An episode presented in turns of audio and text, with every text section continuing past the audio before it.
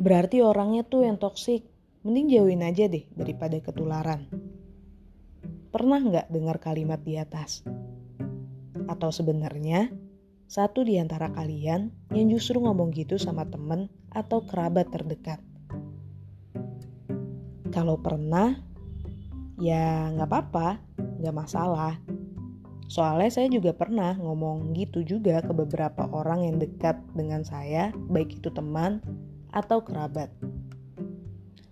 Kalau saya ingat-ingat juga nih, pertama kali saya ngomong seperti itu ketika saya baru mengenal kata toksik itu sendiri.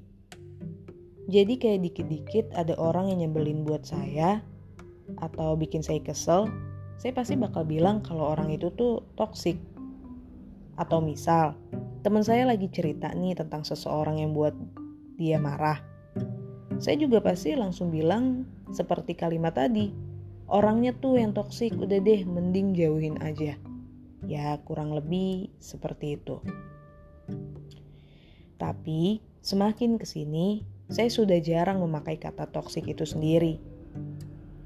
Karena saya sadar, kalau saya sudah melebeli seseorang dengan kata toksik, dikarenakan orang itu tidak sejalan dengan pikiran saya atau hidup saya, berarti kan bukannya orang itu bisa juga nantinya melebeli saya dengan kata yang sama.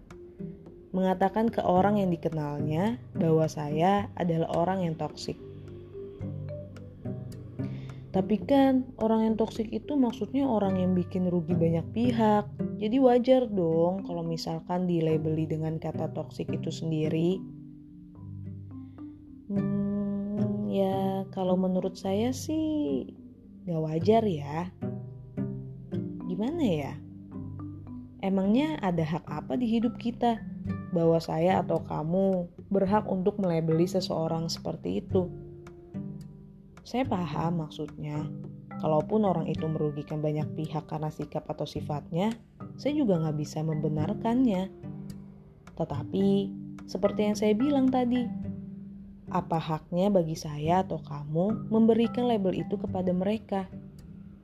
Toh kita juga sebenarnya nggak jauh beda dari orang yang dilabeli dengan kata toksik itu sendiri, ya kan?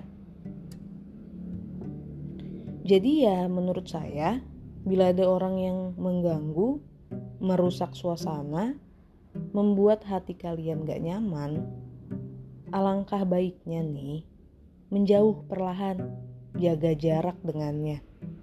Daripada sibuk menyebarkan ke banyak orang dan mengajak mereka setuju dengan label yang kamu berikan itu bahwa orang itu toksik, menyebalkan, mengesalkan dan segalanya.